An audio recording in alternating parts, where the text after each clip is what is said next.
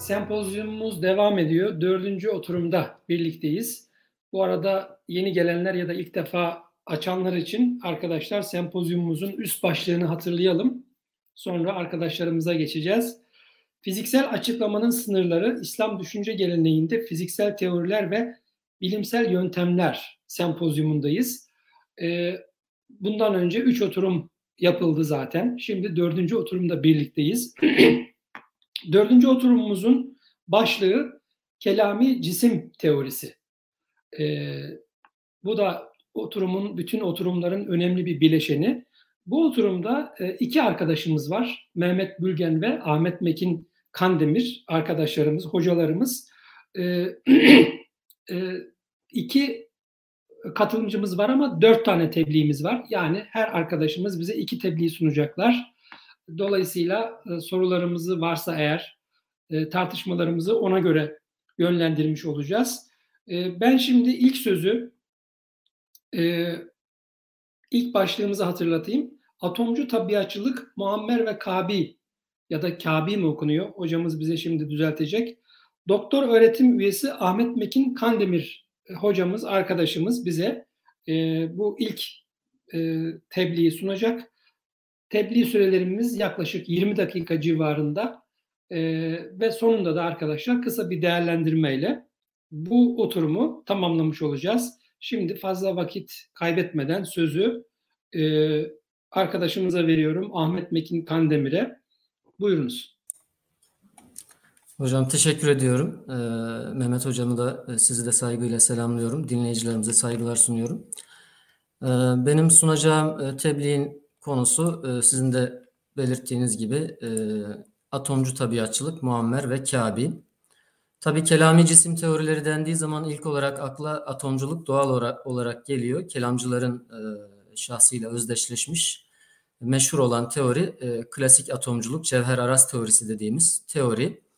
E, bir de e, bu kadar yaygın olmasa da e, özellikle e, Hicri e, 3. yüzyıl, miladi 9. yüzyılda bazı kelamcıların savunduğu ve bir 100 yıl, 200 yıl kadar devam eden tabiatçı teoriler var değerli hocalarım. E, bu e, nasıl ortaya çıkmış, bunların temel argümanları nelerdir ve bunların m, tabiat teorisinde dayandığı cisim modelleri nelerdir? Ben bunları e, iki tebliğ halinde sunmaya çalışacağım.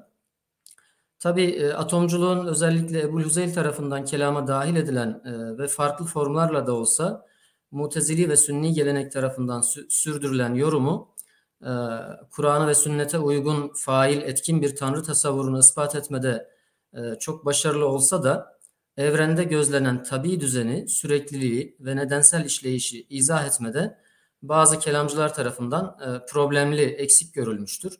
Bu nedenle e, başka e, atomculuğa alternatif başka cisim teorileri arayışına girilmiştir. Nitekim Ebul Huzeyl'in ve yine bu tebliğde sunacağım Muammer'in yaşadığı dönemde çok farklı cisim teorilerinin kelamcılar arasında tartışıldığını e, gündemlerinde olduğunu ve kabul edildiğini görüyoruz. E, Mehmet Hocam da bunlardan bir tanesini sunacak zaten. E, genel olarak da onun cisim teorilerine ilişkin bir tebliğ olacak. Burada hani arazcı modeller var. Arazları inkar eden, reddeden sadece nesnelerin maddi cevherlerden, cisimlerden müteşekkil olduğunu savunan modeller var. Bir de cevher ve arazların bileşiminden meydana geldiğini savunan modeller var. Tüm bu modeller arasında e, tabiatçılığın e, atomculuğa alternatif bir model olduğunu, özellikle alemde, evrende müşahede edilen sürekliliği ve nedensellik ilişkisini e, ispat etmek üzere e, ortaya konan bir te- teori olduğunu ifade edebiliriz. Fakat burada ilginç olan şey e, şudur, e, tabiatçı model ile e, atomcu model esasında alem tasavvuru anlamında e, birbirine e, zıt e, iki farklı tasavvuru ortaya koyuyor. Birinde süreksizlik, parçacıkçı bir anlayış var. Diğerinde de sürekliliğe dayalı, nedenselliğin kabul edildiği bir anlayış var. İlginç olan husus şu, bazı kelamcılar, tabiatçılığı kabul eden bazı kelamcılar atom fikrine dayanarak bu tabiatçılığı temellendirmeye çalışmışlardır. Ben bunlardan Muammer bin Abbad es-Sülemi ve Ebul Kasım el-Kabi el-Belhi'nin e, cisim modellerini e, izah etmeye çalışacağım. Tabii e, atomculuğa dayanmayan e, bir de e, Nazzam e, isimli bir alimimiz var. E, o da atom fikrini reddediyor. Onun da diğer tebliğinde inşallah e, ifade etmeye çalışacağım. E, Muammer e, cisimlerin cevherler ve arazlardan oluştuğu şeklindeki e, atomculuğun en temel önermesini benimsemekte, kabul etmektedir. Yine e, Ebul Huzeyl gibi cevherlerin boyutsuz, uzunluk, derinlik ve genişliğe sahip olmayan şeyler olduğunu benimsemektedir. Yani e, Muammer'e göre cevherlerin bir uzamı bulunmamaktadır. Yine ona göre cevherlerin tek başına araz yüklenmesi, taşıması mümkün değil. E, ancak cevherler birleşip bir cismi meydana getirdiğinde araz e, yüklenmeleri e, mümkündür. Muammer'in yine orijinal görüşlerinden bir tanesi hareketi reddetmesidir. Muammer'e göre alemde hareket diye bir araz yoktur. Oluşların tamamı sükundan, durgunluktan ibarettir. Hareketli olarak gördüğümüz şey ise gerçekte iki farklı anda iki farklı mekana temas etmesidir. Bir cismin veya nesnenin. Muammer'e göre e, bir e, cismin, üç boyutlu bir cismin meydana gelmesi için e, en az e, 8 tane cevhere ihtiyaç duyulmaktadır.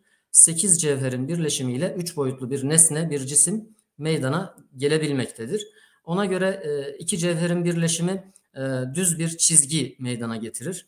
Bu iki cevhere iki tane daha eklendiği zaman yani dört atom bir araya geldiği zaman düz bir yüzey, bir satıh meydana gelir. İki boyutlu bir şey elde edilir. Buna dört tane daha ilave edildiği zaman yani totalde e, 8 cevher olduğu zaman e, üç boyutlu bir nesne meydana gelir. Bu cisim modelinin üzerine e, tabiat teorisini nasıl inşa ediyor? Biraz onu irdelememiz e, yararlı olur.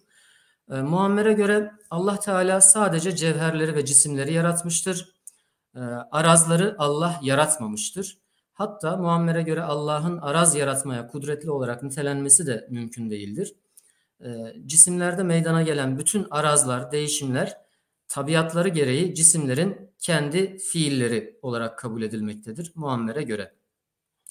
Yani cevherler bir araya gelip cismi meydana getirdiğinde, oluşturduğunda her cevher e, tabiatına uygun arazı meydana getirir. Bu arazların toplamı da e, cisimlerin tabiatını oluşturur ve en nihayetinde cisim bu tabiata uygun fiillerini kendisi meydana getirir.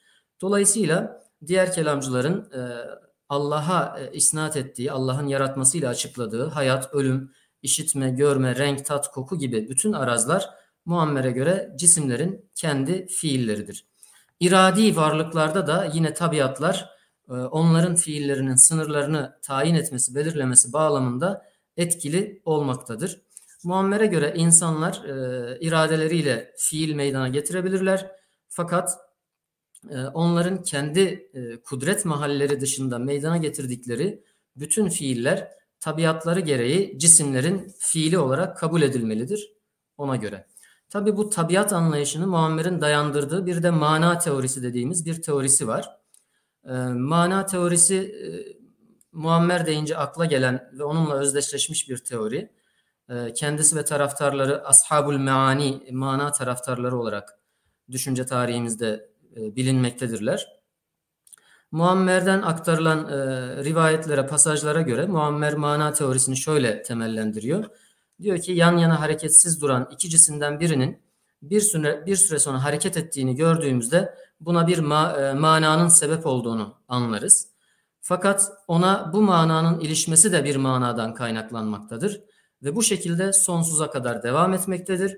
Manaların bir toplamı ve sonu yoktur Muammer'e göre.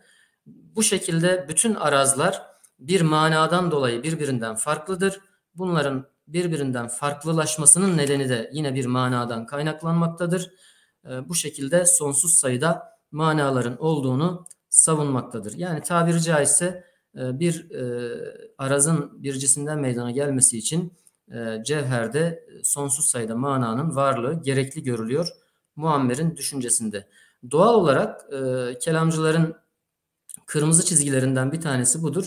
Yani bil fiil sonsuzluğun onlar tarafından kabul edilmesi mümkün değil. Çünkü sonsuz bir şeyin sonsuz sayıda olması, onun sonsuzluğu sonsuz olması ise kadim, ezeli, yaratılmamış olduğu şeklinde değerlendiriliyor kelamcılar tarafından.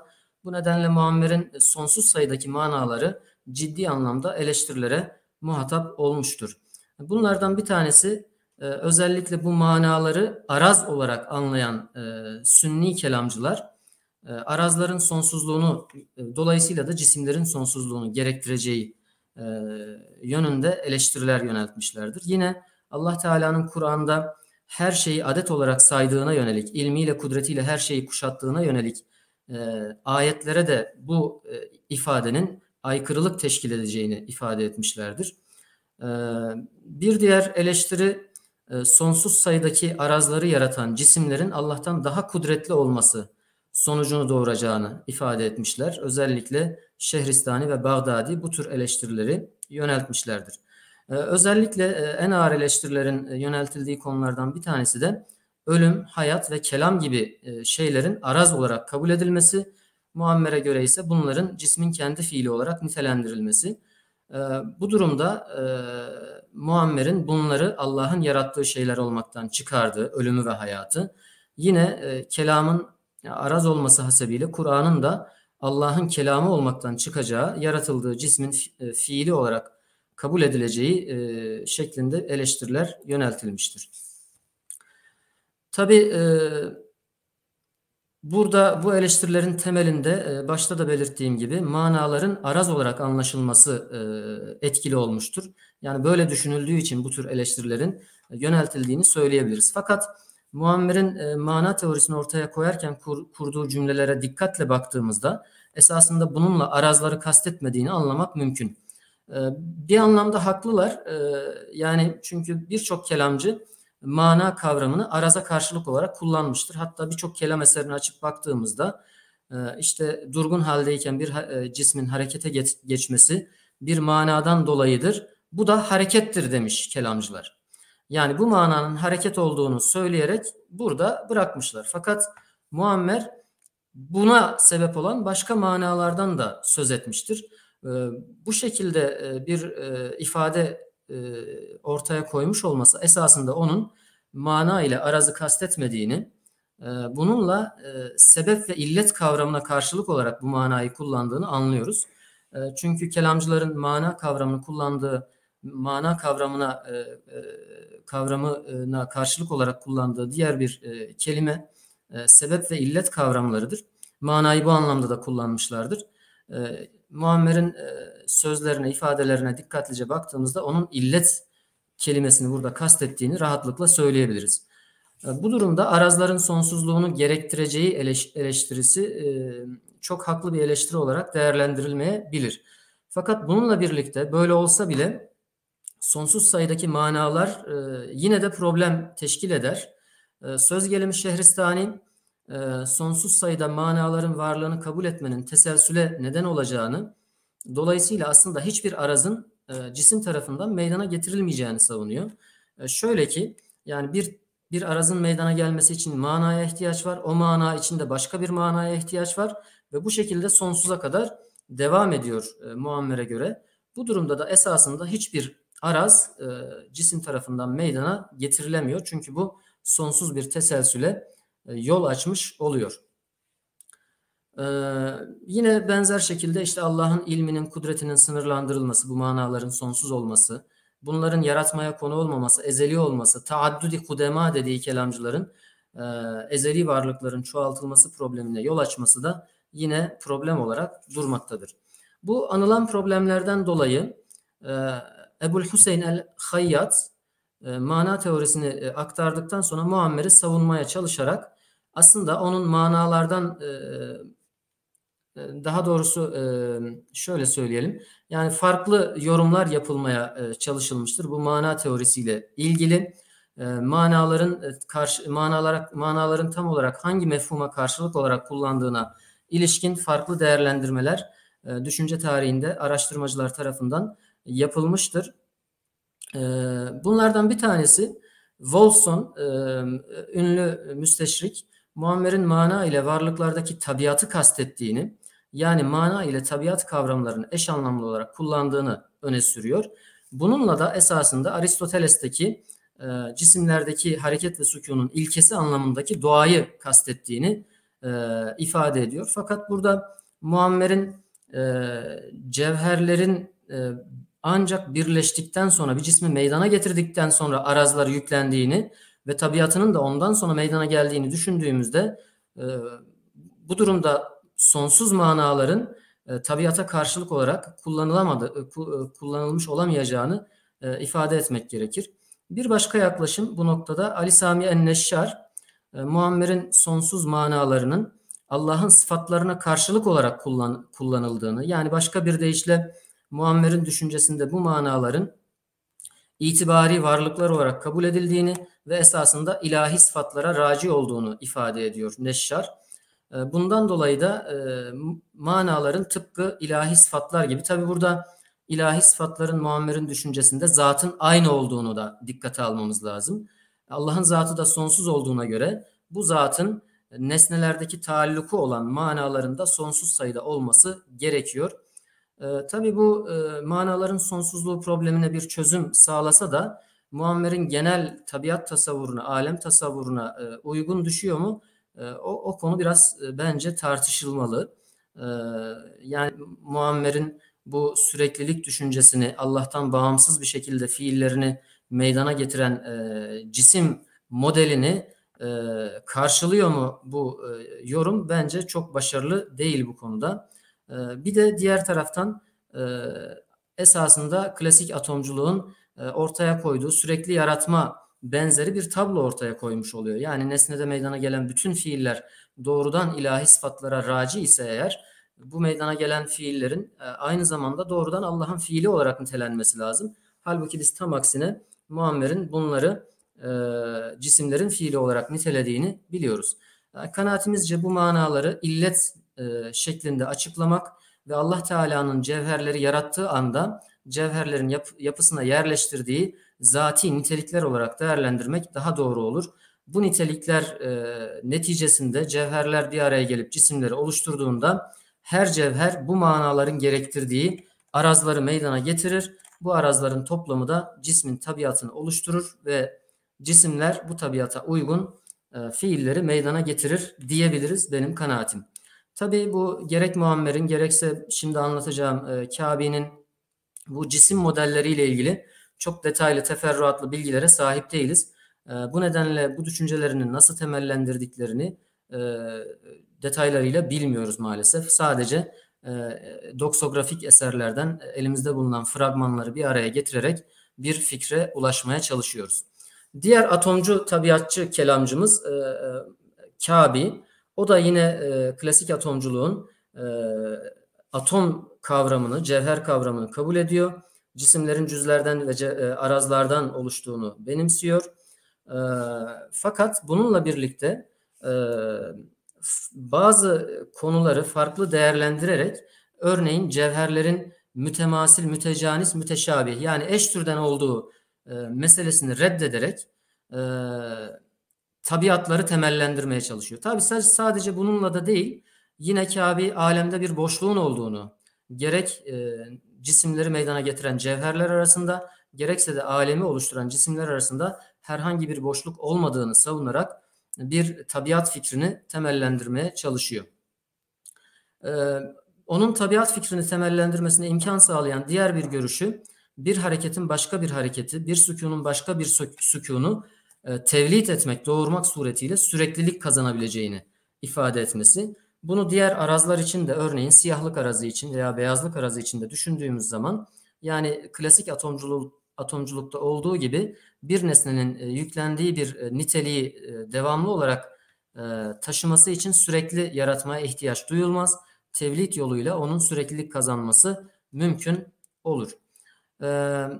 Kabe bu şekilde bir tabiat teorisi benimsiyor ve Allah Teala'nın daha farklı bir şekilde yapmak, yaratmak kudreti dahilinde olduğu halde bütün varlıkları belli tabiatlarla yarattığını ve varlıkların bu tabiatlara uygun fiilleri meydana getirdiğini kabul ediyor. Tabii şunu da belirtmemiz lazım. Bu atomculuğun temel e, nosyonlarıyla birlikte bir de e, madde suret teorisinden veya daha e, erken dönemde belki Empedokles'ten tevarüs ettiği dört tabiatı, anasır erbayı da e, tabiat teorisinde istihdam ediyor Kabi. Ona göre bütün cisimlerde sıcaklık, soğukluk, yaşlık ve kuruluk olmak üzere dört tabiat mevcuttur. Cisimler dağılıp parçalandığında tekrar bu tabiatlar açığa çıkacaktır. Bu dört e, unsurun, elementin birbirine dönüşmesi ise mümkün değildir. Bir de son olarak şunu söyle, e, söylesem e, daha toparlayıcı olur diye düşünüyorum. Tabii bu dört tabiatın e, bir, bir araya gelip nesneleri nasıl meydana getirdiğini, nesnelerdeki farklılıkları, fiilleri, değişimleri nasıl oluşturduğunu, e, yani bir çeşit e, mizaç veya imtizaç teorisinin onda olup olmadığını bilmiyoruz. Buna dair bir bilgi kaynaklarda mevcut değil. Fakat şöyle bir bilgi var. Tabiatın yanı sıra bir de hasiye kelimesini kullanıyor Kabi. Yani bu dört tabiat bütün cisimlerde ortak, e, temel bileşen olarak kabul ediliyor.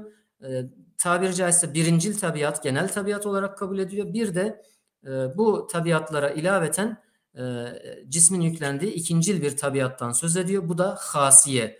Örneğin buğday e, bir buğdaylık hasiyesi bulundurur ve bu e, tabiat, bu özel tabiat onda bulunduğu sürece ondan arpa bitmesi ya da başka bir bitkinin bitmesi mümkün değildir diyor Kabi. Ee, şimdilik bu şekilde ifade etmiş olayım hocam. Teşekkür ederim. Biraz bir iki dakika açtım süremi hakkınızı helal Estağfurullah. Çok teşekkür ediyoruz. Ahmet Mekin Kandemir hocamıza aslında tam zamanında evet, konuyu toparlamış oldu. E, atomcu tabiatçılık Muammer ve Kabi başlıklı bir e, tebliğ sundu bize. Zaten e, şimdi bir sonraki tebliğinde e, arkadaşımız aslında bu konunun karşıtını sunarak bir tür tamamlamış olacak. Yani bu sefer anti atomcu tabiatçılık, e, kümün teorisi ve nazamcı gelenek. Şimdi ikisini görmüş olduk. Aslında ikisini birlikte düşününce tamamlamış olacağız. E, bu oturumda sabah bizim mesela oturumumuzda daha çok meşai gelenek İbn Sina, İbn Rüşd e, analizleri yapmıştık. Burada da bu sefer kelamcıları konuşuyoruz ve ilk tebliğimizi e, Ahmet Mekin'den dinlemiş olduk. Kendisi Ankara Sosyal Bilimler Üniversitesi İslami İlimler Fakültesi'nde değil mi? Şu anda çalışmaya devam ediyor. Evet hocam. Çok teşekkür ediyoruz. Şimdi bu oturumda ikinci tebliğimize geçiyoruz. Ee, sizin de listelerde gördüğünüz gibi kelami arazcılık ve demet teorisi. Doğrusu bu demet teorisini ben de merak ediyorum. Doçent Doktor Mehmet Bulgen hocamız e, Marmara Üniversitesi İlahiyat Fakültesi'nde kelam ana bilim dalında şu anda çalışıyor. E, Mehmet Hoca'nın da bugün iki tebliği var. İlki zaten az önce anons ettiğimiz tebliğ. İkincisi de zaten yine tamamlayıcı şekilde biraz sonra e, son tebliği de göreceğiz. Onu da ayrıca anons edeceğim. Şimdi Mehmet Hoca'yı da dinleyelim. Sonra bütün bu farklı pozisyonları belki e, son kısımda bir e, karşılaştırma yapabiliriz. Buyurun.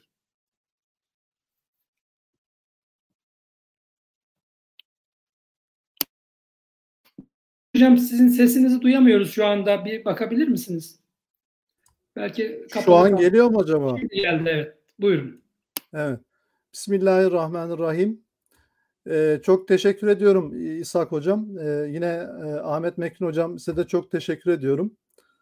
Ee, yani özellikle Ahmet Mekin Hocam'ın anlattıkları e, benim e, işimi de bayağı bir kolaylaştıracak bir ön hazırlık olarak da değerlendirebiliriz e, tabii. E, gerçekten e, kelam ilmi e, ve fizik teorileri dendiğinde e, bayağı bir e, hacimli bir alanla karşı karşıyayız. Özellikle erken dönem söz konusu olduğunda e, çok farklı teoriler ortaya atılmış yani e, ve e, hayli hayli erken dönemlere e, kadar uzanıyor bu teoriler baktığımız zaman. E, şimdi yalnız ekrandaki e, diğer slide olması gerekiyor. Onu düzeltebilirsek. Heh, çok teşekkürler. E, ben izninizle e, slide ekseninde inşallah sunumu yapacağım. Çünkü hem kavramsal açıdan hem geliştirilen e, teorilerin yapısı açısından işimizi e, bayağı bir e, kolaylaştıracak.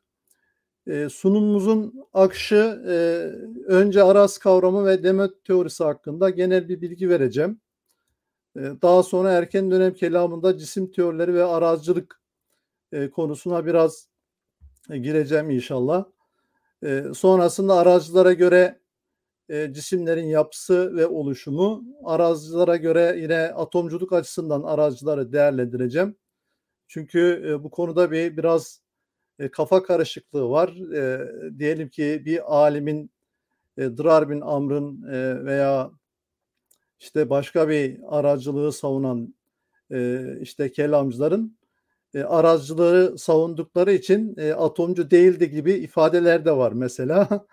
E, o açıdan e, faydalı olacağını düşünüyorum. E, özellikle bu sunumun bu kısmının. E, ve en sonunda da aracılık teorisi İslam düşüncesinde niye devamını getirmedi? E, bu e, teori, demet teorisi özellikle batıda David Hume'la birlikte çok böyle itibar gördüğünü görüyoruz. Yani ama İslam düşüncesinde niye devamı gelmedi bu teorinin onu inşallah müzakere etmeye çalışacağım. Şimdi tabii araz kavramı çok ilginç bir kavram. E, bunun sebebi e, arazlara e, kelamcıların yer yer farklı isimler verebilmeleri. Mesela biraz önce e, Ahmet Mekin Hocam Muammer'in mana teorisinden bahsetti. E, bizim kelamcılar da sık bir şekilde e, arazlara e, manada derler. Yani e, bir bakıma e, zihinsel bir karşılığı olduğunu da söylerler. Tabii bu e, zat, nitelik özellikle e, işte bu İngilizce'de essential qualities veya primary qualities, secondary qualities e, gibi batı düşüncesinin kavramlarıyla değerlendirdiğimizde yani bir şeyin zatı niteliği ve arızı niteliği. Bu araz kavramı da aslında zatından kaynaklanmayan nitelik. Yani değişime açık olan e, diyelim ki bir cismin e, varlığı devam eder ama e, siyahken beyaz olabilir, sıcakken soğuk olabilir. E, mesela e, buradaki değişimi ifade eden ama cismin e, varlığı e, devam etmesine rağmen onun geçirdiği bazı dönüşümler bu e, problemin e, kaynağı ta böyle antik e, enteresandır. Bizim kelamcılar atomcudur ama problemin tartışılmaya başlaması yani birinci nitelik, ikinci nitelik ya da nesne nitelik ayrımını düşünce tarihinde ilk defa yapanların antik atomcular olduğu söylenir. Yani onlar değişim problemini e, çözmek için biliyorsunuz Parmenides ve Ela okulu değişimi reddetmişti e, gözlemlenen, duyularla gözlemlediği açık olan atomcular onlara bu probleme şöyle bir çözüm buldular. Dediler ki cisimlerin bir e, zati niteliği vardır. Mesela sertlik veya e, işte parçalanmazlık veya şekil, biçim bunlar e, primary e, quality'dir. Ger bunlar gerçekten de vardır ve bunlar asla değişmez bu konularda Parmenides'in dediği doğrudur ama bir de cisimlerin değişime açık nitelikleri vardır ki mesela sıcaklığı, soğukluğu, ondan sonra rengi vesaire e, ikinci niteliklerdir bunlar. Yalnız antik atomcuların ilginç tarafı bunu zihne indirgediler. Bunlar dediler opinion'dur. Yani bunlar sadece zihinde vardır.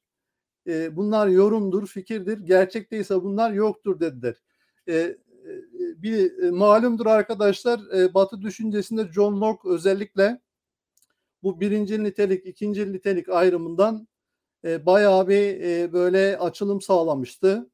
E, birinci nitelikleri işte hacim mesela, şekil birinci nitelik dedi ama bu ikinci nitelikleri zihne indirgedi. Bunların zihinden bağımsız gerçekliği yok dedi. Hatta Berkeley çok tehlikeli bir iş yaptı. Daha da ileri gitti malumunuzdur. Bu birinci niteliklerin ne dedi? Zihinden bağımsız gerçekliği yoktur dedi yani. Şimdi burada kelamcılar aslında harici dünyayla e, zihinsel dünyayı buluşturuyorlar. Bir taraftan diyorlar ki zihinde bunlar manadır ama biz e, dıştaki bir değişim e, ekseninde bu manayı tespit ettiğimizde bu mana hariçte de bizzat vardır dediler yani. Mesela arkadaşlar şöyle şu cep telefonunu şöyle tutayım. Şu an şu cep telefonu sükun halinde. Bakın hareket ettiriyorum ben bunu şu an. Şu an hareket halinde. Şimdi E, antik atomculara göre e, biliyorsunuz onlar hareketi de zati nitelik yaptılar ama daha sonrasında arızi nitelik olarak değerlendirildiğinde e, bunun hareketin gerçekte olmadığı, sadece zihinsel olduğu değerlendirilebiliyor. Ama kelamcılara göre bu mana bizzat e, şeyde de vardır yani. O cisimde de taşınmaktadır. Tabi kelamın daha da böyle derinlerine gittiğimizde bunun çok böyle enteresan yorumları olduğunu da görüyoruz. Mesela e, Muammer e, hareketin de sadece sükunlardan oluştuğunu iddia ediyor. Yani o mekanda sükunken bu mekanda sükun olduğu zaman zihin bunu ne yapıyor? Hareket olarak algılıyor diyor. Yine İmam Eşani'nin de bu şekilde yorumları vardır. E, şimdi tabii bu erken dönemde arkadaşlar Makalatül İslamiyi'nde arazların e, ne anlama geldiği konusunda yani zatlarına ek olarak ortaya çıkan sıfatların, manaların e, İmam Eşari yedi farklı görüş zikrediyor. Tabii bu görüşlerin farklı e, kelamda bu konunun ne derece derinlemesine zengin bir şekilde tartışıldığının da e, yapısı yani e, öze, şeyini yansıtıyor. Yani e, henüz e, arkadaşlar 8 9. yüzyılın başlarındayız. 8. yüzyılın sonlarındayız yani. Daha İslam felsefesi veya işte bir ayağı felsefede bir ayağı kelamda olan kindi bile daha ortada yok.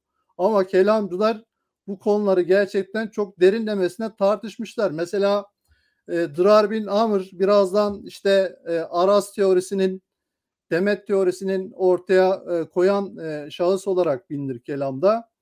Vefat tarihi arkadaşlar dikkatinizi çekiyorum 815'tir miladi. Ya daha kindi e, henüz e, yok varsa da yani daha çocuk yani. Ne yapmış bu? Mesela Aristo'yu Cevher Aras teorisi konusunda eleştiren kitap yazdığı belirtiliyor. Yani ben e, gerçekten bu e, İslam e, düşüncesinde e, fizik teorileri e, projesinin e, kelamcıların e, bu türden e, teorileri e, geliştirmelerinin e, ortaya çıkarılması yönünden büyük bir katkı olarak görüyorum. E, çünkü maalesef biz e, 9. yüzyılın başları veya işte hatta kelamcıların bu türden konuları tartışmaları arkadaşlar e, yani 8. yüzyılın ortalarına kadar e, gider. Bu türden konulara e, kelami yönden e, veya işte kelamcıların katkıları üzerinde çok durulmaz. Niye? Genelde kelamcılar teolojik eksenli değerlendirilir. İşte onların amaçları itikadi e, işte İslam dininin itikadi esaslarını tespittir, temellendirmedir veya işte savunmadır, e, apolojetiktir. O nedenle daha ziyade böyle İslam felsefesine e, projeksiyon yöneltilir. E, çağdaş İslam bilim tarihi araştırmaları. Ama e, gerçekten buradaki zenginlik e, bunun hiç de böyle olmadığı üzerinde e, konusu yani gö- gösteriyor. Zaman içinde kelamda araz kavramında özellikle dilden de hareketle e, yani Arapçanın da katkılarıyla e, varlığını sürdüremeyen veya e, bekası mümkün olmayan e, gibi anlamlar da verilmiştir. Ama asıl böyle kelamcıların e, anlatmak istedikleri şey e, bununla zatta ek olarak ortaya çıkan mana, değişime açık olarak mana gibi e, yaklaşımlar vardır. Yine kendi başına kaim olamayan gibi anlamlar da buna verilmiştir. Kelamda e, arazların e, türleri konusunda oldukça e, detaylı bilgiler vardır. Mesela e, İbn Metteveyh'in e, tezkiresinde e, arazlarla ilgili e, yaklaşık 50-60 tane bahis vardır. E, yine mesela ikinci cilt e, tamamen arazlara ayrılmıştır. E, kelamcılar araz türlerini e, genelde 30 küsür araz türü olarak e, nitelerler. Mesela en başta gelen arazlar işte hareket, sükun, birleşme, ayrışma e, bunlar mekansal oluşlardır. Yani şöyle örnek verebilirim. Herhangi bir cisim düşünün ki o hareket ya da sükun halinde olmasın yani. Birleşme ya da ayrışma halinde olmasın diyelim ki. Hareket cismin ikinci niteliğidir, zati niteliğidir. Çünkü cisim hareketliyken sükun, durağan, durağanken hareket halinde olabilir. Dolayısıyla bu neyi gösterir? Zih, e, hareketli araba, hareketsiz araba mesela. e, bizzat e, o cismin e, bir anlamı taşıdığı veya bizim zihnimizin o cisimde bir anlam e, yakaladığımızı gösteriyor yani. Ve bunlarsız olamıyor cisimler. Tabii hangi arazlardan bağımsız olur, hangi arazlardan bağımsız olamaz? Bu kelamcılar arasında detaylı tartışılmıştır ama hemen hemen bütün kelamcılar e, mekansal oluşlardan bağımsız olamayacağını, hareket sükun gibi e, çünkü e, bunlar hudusu da sağlıyorlar bir nevi. Yani cismin yaratılmış oluşunun da e, kanıtları oluşuyor. Şuraya ben e, son anda bir alıntı verdim. Mesela Ahmet Hocam sonsuzlukla biraz ilişkilendirdi muammer bağlamında.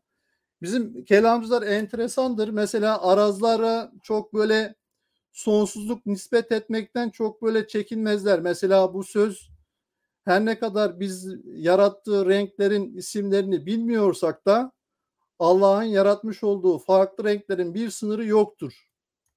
Yani renk gamotunun bir sınırı olmadığını iddia ediyor. Mesela Abdülkahir el-Bağdadi e, böyle allah Teala sonsuz tür diyelim ki tat yaratabilir. Renk yaratabilir. O konuda çok böyle e, ama bir fiil yaratmış mıdır o ayrı bir şeydir ama e, kelamcılar o konuda çok böyle e, şey değiller. Genelde aleme diyelim ki bölünme açısından veya atomların sayısı açısından çok sonsuzluk nispet etmezler ama e, bunun bence sebepleri tartışılmalı gerçekten de. Yine kelamcıların e, diğer e, düşünce sistemlerinde mesela e, e, ezeli e, ashab işte tabiat tarafından özellikle kuruluk, e, ıslaklık, sıcaklık, soğukluk gibi e, özellikleri araz olarak kabul ettiklerini görüyoruz yine. Bir başka önemli özellik arazların zıt çiftlerde gelmesi. Kudret varsa acizlik de var, ölüm varsa hayat da var, irade varsa kerahet de var, işitme varsa sağlık da var. Tabii bu bunların zıt çiftler olması önemli çünkü e, cisim e, bu arazlara zati nitelik olarak sahip olamıyorsa e, diyelim ki eşit derecede e, tecanüsül efsam nazariyesi gereği cisimlerin aynı cins olması gereği bu arazları eşit derecede taşımaya kabilse niye o halde hareket halinde değil de sükun halinde yani? Kendisinin dışında bir müreccih, bir muhassis, bir belirleyici gerektiriyor ki bu da e, sistemi e, Allah Teala'nın e, iradi tasarrufunu açıyor. E, yani bu bağlamda bir de eşyayı birbirine dönüşebilir hale getiriyor. Mesela kelam kitaplarında bu vardır mesela Cüveyni hava ile ateşin birbirine nasıl dönüşebileceğini e, tecanüsül essamla açıklar. Havanın e, atomları ateşin sahip olduğu sıcaklık ve rengi de taşımaya elverişlidir der mesela. O şekilde teorilere de konu oluyor. Tabi burada arazlarla ilgili ne türden tartışmalar yapılmış? Arazlar kendi başına kaim midir değil midir? Arazlar bekaya sahip midir değil midir? Mesela bazı mutezile kelamcıları e, ki bunların insanların fiillerinde de etkisi var bu türden tartışmaların. Yani siz bu cevher araz teorisiyle mesela e, her şeyi Allah'ın dışındaki her şeyi açıklamak zorundasınız. Yani böyle bir sistem öngörüyor. Mesela mutezile kelamcıları e, kulların kendi fiillerinin halik olduğunu ispat edebilmek için e, kudretin baki arazlardan olduğunu her ne kadar cevher kadar baki olmasa da bir tür bekası olduğunu e, söylemişler mesela. Şimdi e, yine teolojik açıdan hudus teline özellikle çok önemli bir e, kaynaklık oluşturuyor arazlar. E, mesela e, bir cisim hareketliyken e, sükun halinde, sükunken hareketli halinde olabiliyorsa ve cisim hareket ve sükundan hiçbir şekilde mahrum kalamıyorsa o halde nedir? Bu cisim e, hadislerden mahkum kalamaz, mahrum kalamaz. Hadislerden mahrum, e, yoksun kalamayan şey de hadistir. Burada bakın dikkat edin genelde kelamcılar e, hep böyle bir başlangıçtan nispet edilir. Hudus delili ama e, gerçekte hareket ettikleri nokta an itibariyle yani geçmişte bir zamana gidip böyle e, Allah Teala'nın yaratmadığı bir an var mı yok mu? Alemin bir başlangıcı var mı yok mu? O tartışmadan daha ziyade şu mantıksal ilkeyi çözmeni bekliyor kelamcılar. hani mümkün müdür, vacip midir tartışmaları an itibariyle denilir ya. Kelamcı da diyor ki e, hadis bir şeyden yoksun kalamayan bir şey hadis midir değil midir ona cevap ver diyor. Yani oradaki hadis kavramı an itibariyle de yani. Yoksa evrenin bir başlangıcını gitara demek değil. Yani bu mantıksal problemi çözmesi gerekiyor. Hudus eline karşı çıkan birisi. Hadislerden mahrum kalamayan diyelim ki bir cevher. Hadis sayılması gerekir mi? Gerekmez mi? İsterse bu ezele kadar devam etsin diyelim ki bu. Bu sorudan e, yoksun kalamazsınız yani. Böyle bir yönü de var. Elbette ki kelam Hudus içerisinde evrenin bir başlangıcını da barındırır ama böyle bir anlık cevaplamasını istediği bir şey de var. Şimdi e, buradan artık e, araz teorisini anladıktan sonra Demet teorisine geçecek olursak Demet teorisinin iddiası cisimler sahip oldukları niteliklerin toplamından başka bir şey değildir. Yani cisimler e, arazların bir araya gelmesiyle oluşurlar. Diyelim ki sıcaklık, e, soğukluk, e, kuruluk, ıslaklık, ondan sonra sertlik, yumuşaklık vesaire bu türden arazların birleşimidir. Tabi Demet teorisinin alternatifi e, cevher e, teorisi diye geçer. Substance teori ya da e, substance teorisine iki eleştiri yönlendiriyor Demet teorisi. Mesela bu kelam kaynaklarında da geçer. İşte e, Ebul Münen Nesefi arazcıların cevher kavramına karşı çıkmalarının sebebini e, yani duyuların e, dışında bir şeyin daha var olmasını iddia ediyorsun yani. Halbuki alem konusunda asıl olan görmedir. Ulumel alemi basar ila bit delail yani prensip. Halbuki sen ne yapıyorsun? İstidlalde karıştırıyorsun içerisine ve göremediğin bir varlığın daha olduğunu iddia ediyorsun yani. E, duyularla görünmüyor böyle bir şey. Yani varlığını nereden çıkarıyorsun? Şu akli prensiple diyelim ki hareket kendi başına var olamaz, sükun kendi başına var olamaz veya renk, hayat kendi başına var olamaz. O halde bunlar birbirlerini de taşıyamaz. Bunların taşıyıcı bir mahalle olmalı yani. Temel iddia bu. Yine bir başka eleştiri cevher bir özelliğe sahip olmayan bir şeyse eğer böyle bir şeyi nasıl tasavvur edeceksin yani? Böyle bir şeyin tasavvuru e, mümkün değildir diye. Mesela David Hume'un getirdiği temel iki eleştiridir bu modern dönemde. Bu iki eleştiri e, bizim kelamcılar tarafından bizzat e, şey yapılmıştır. Şimdi erken dönem kelamında teorilerden sadece biri arkadaşlar bu araz teorisi. Çok farklı eğilimler de var. İnşallah ben ikinci bölümünde bunda detay vereceğim. Mesela İmam Eşari cisimlerin yapısı konusunda 12 farklı gruba ayrıldılar diyor. Yani böyle bir yaklaşım. Şimdi arazcılara göre cisimlerin oluşumu şöyle bir sahne arkadaşlar aslında. Uzunluk, kısalık, ağırlık, hafiflik. Yani burada tabii zıtlık uzun ya da kısa aynı anda bulunur anlamına gelmiyor bu.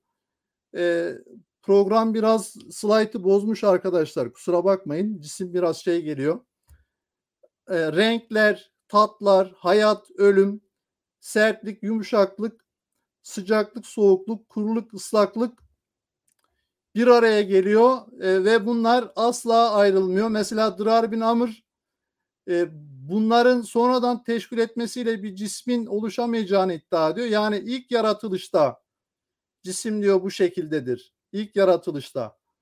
E, kudret, elem gibi arazları, ilim gibi arazları sonradan sahip olabilir. Bunları sonra yitirebilir ama bu arazlardan asla yoksun kalamaz diyor cisim. Onun nazarında mesela. Ee, burada tabi Drabin Amr'ın açıklamaları var. Onlar ayrıldığı takdirde yok olur e, şeklinde. E, ama e, tek başına bağımsız ona göre de kalamıyorlar yani. Şimdi atomculuk açısından değerlendirdiğimizde arkadaşlar e, burayı kısa geçeceğim. Belki ikinci bölümde de anlatma imkanımız olur. E, atomculuğun e, arazcılığın atomculuğa alternatif bir e, teori olarak ortaya konması bana göre hatalı.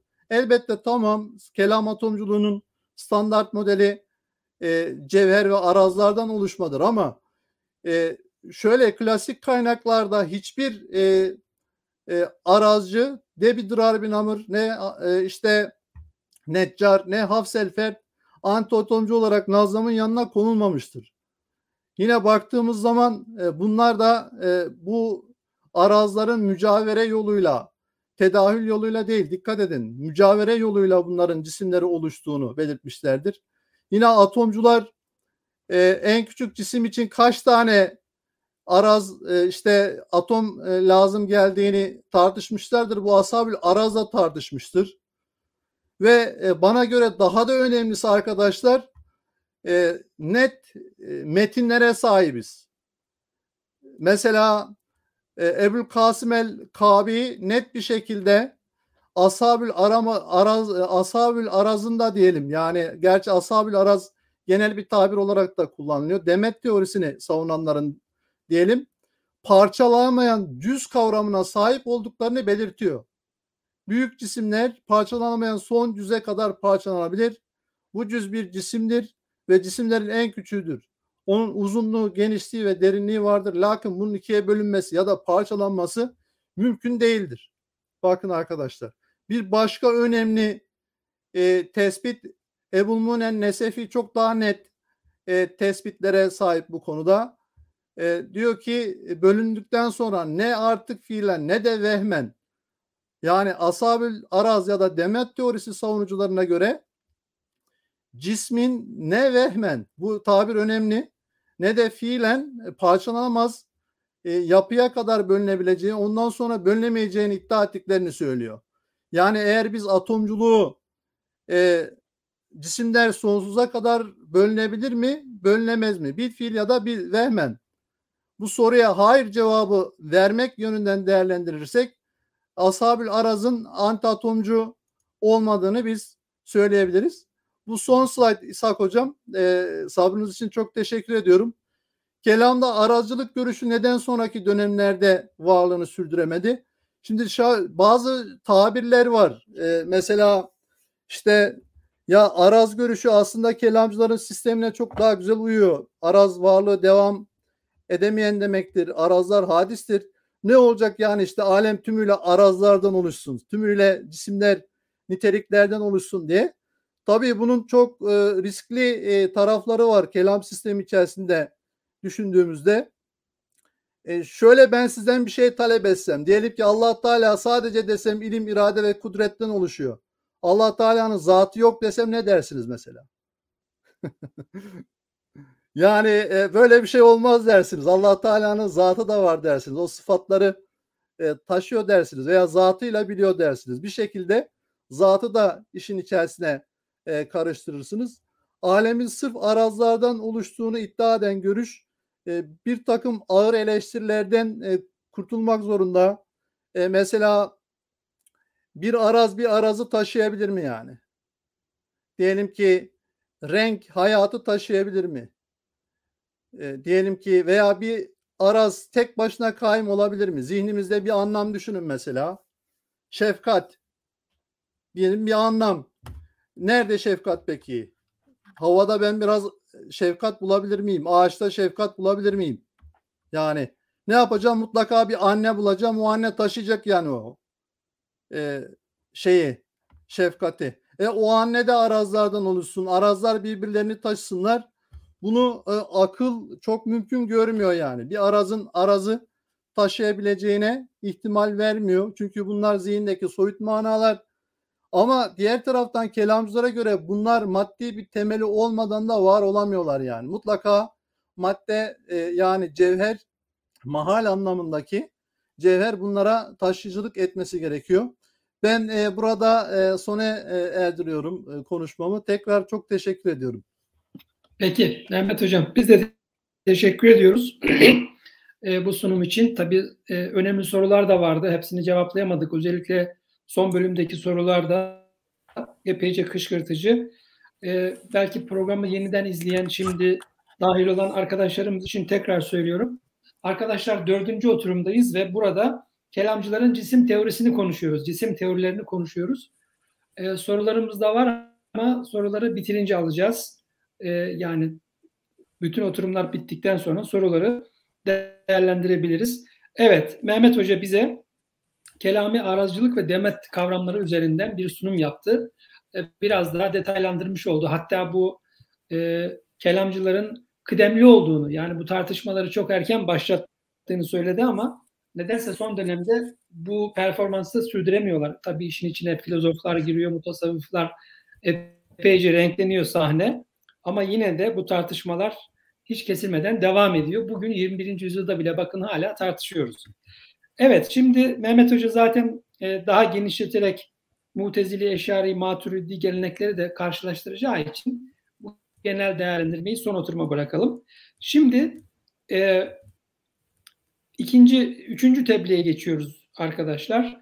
E, Ahmet Mekin Kandemir arkadaşımız bize bu defa anti atomcu tabiatçılık, kümun teorisi ve nazlamcı gelenek başlığıyla ikinci tebliğini sunacak. Birinci tebliğin aslında hem bir tamamlayıcısı hem de bir karşıtı gibi görünüyor. E, şimdi e, Ahmet Hoca ile devam edelim. Buyurun.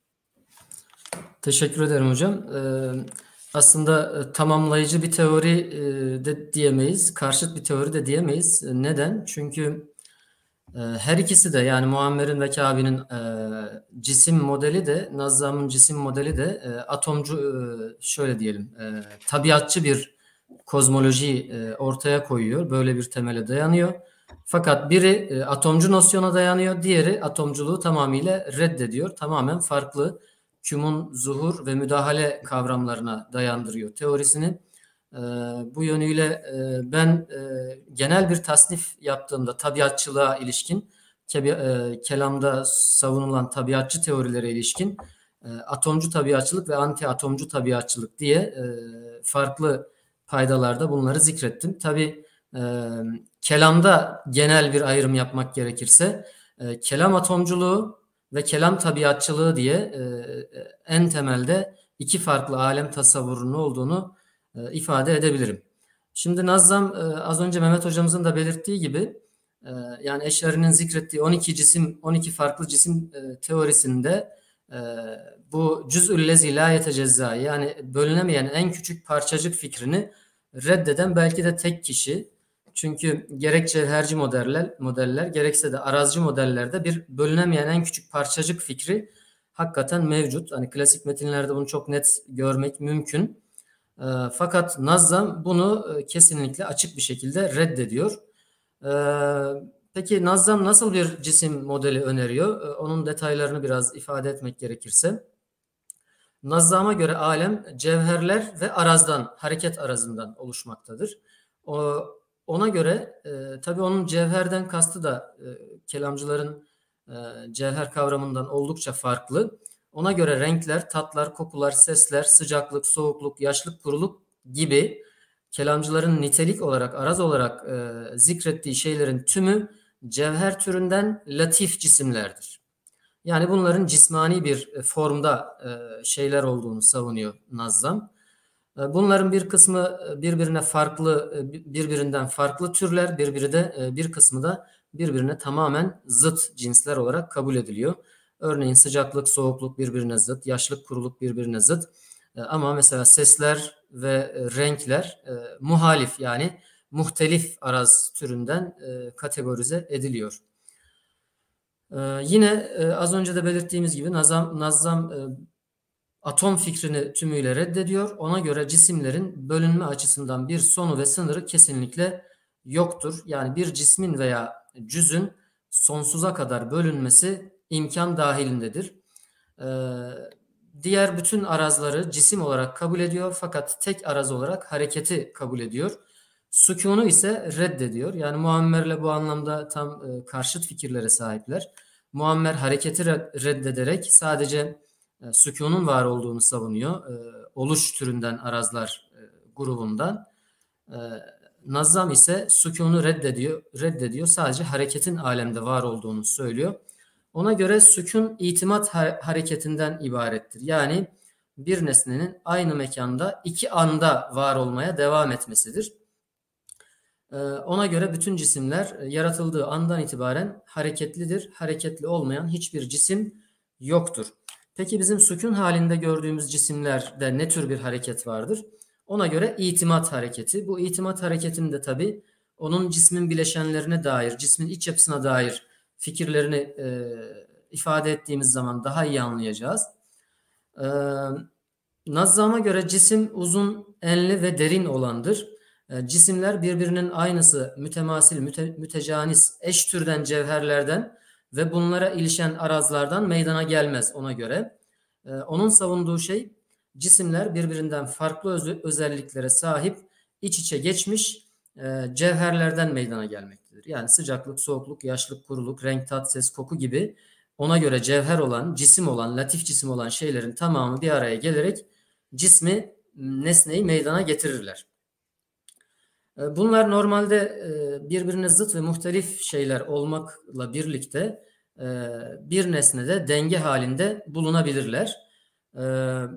Tabi denge halinde bulunurken de esasında diyelim ki sıcaklık soğukluğa galip gelmeye çalışıyor. Soğukluk sıcaklığa galip gelmeye çalışıyor. Kendi tabiatındaki özelliğin bir gereği, zorunlu bir sonucu olarak. Dolayısıyla buna bağlı olarak cisimde aslında içsel bir hareket söz konusu. Sükun halinde gibi görünse de e, bu, bu da bir, bir, bir tür itimadi hareket olarak değerlendiriliyor Nazzam'a göre. Nazzam bu şekilde birbirine muhalif ve zıt cevherlerin e, aynı cisimde biri diğerine mekan olacak şekilde yani müdahale, tedahül yoluyla e, bir arada bulunduğunu cismi meydana getirdiğini savunuyor. Az önce Mehmet hocamızın da ifade ettiği gibi yani kelamcılar arasında bu anlamda iki anlayış vardır. Ee, müdahale fikrini Nazzam ve onun birkaç talebesi savunuyor. Yani cismin yapısındaki farklı e, bileşimlerin birbirine karışmak suretiyle biri diğerine mekan olacak şekilde e, bulunmak suretiyle mi bir arada bulunduğu yoksa e, kendi zatlarını, e, kendi müstakil varlıklarını korumak ve fakat yan yana ve komşuluk ilişkisi içerisinde bulunmak şeklinde mi nesnede bulunurlar? Bu, bu, bu, bu durumda iki farklı anlayış var. Nazzam müdahale, tedahül görüşünü savunuyor. Yine ona göre bir cismi meydana getiren cevherler için bir sayı sınırı da e, söylenemez, zikredilemez.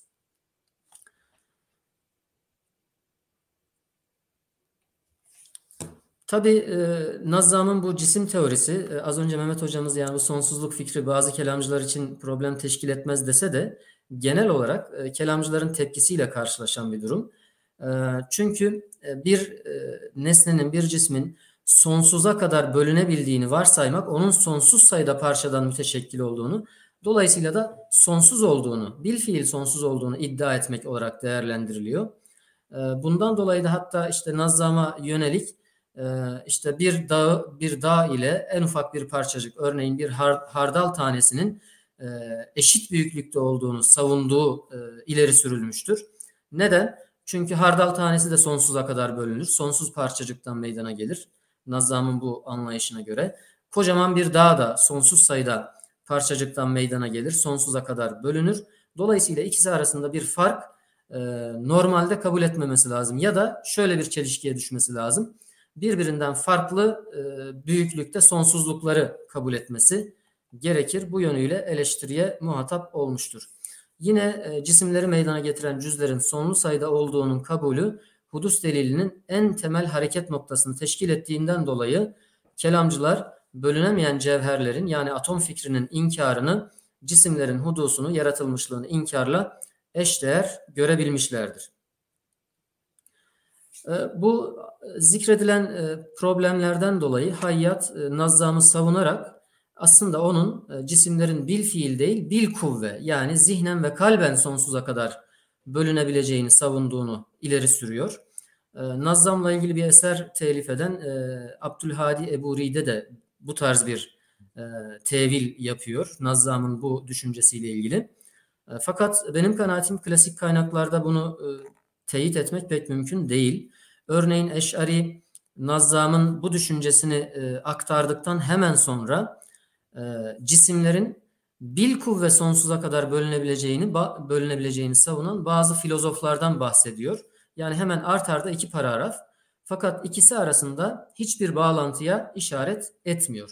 Yine Nazzam ile Ebul Huzeyl arasında bu e, cisimlerin sonsuza kadar bölünmesinin doğuracağı bazı problemlere dair e, tartışmalar söz konusu. E, bu tartışmalara baktığımız zaman bunlar ki Mutezili tabakat eserlerinde de e, aktarılıyor.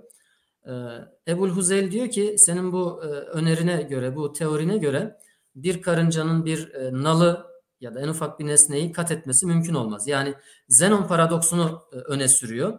Neden? Çünkü bir nesneyi kat etmesi için önce yarısını, yarısını kat etmesi için onun yarısını, e, onun yarısını da kat etmesi için onun yarısını bu şekilde sonsuza kadar cisim bölünebileceği için fiilen o nesneyi kat etmesi mümkün olmaz gibi bir argüman öne sürüyor.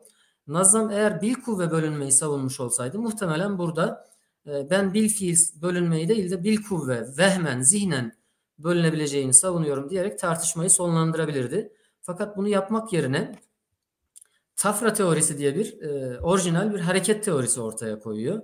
Diyor ki işte karınca bir kısmını yürüyerek bir kısmını da sıçrayarak geçer diyor.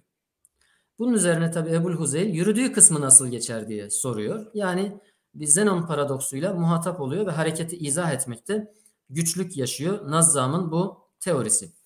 Tabi Nazzam'ın bu cisim teorisini kümun kavramı, kümun ve zuhur kavramlarıyla birlikte e, ele aldığımız zaman ortaya daha net bir tablo çıkıyor. Nazzam'a göre nesnelerde meydana gelen fiiller, değişimler, dönüşümler sonradan yaratılan arazlardan kaynaklanmaz.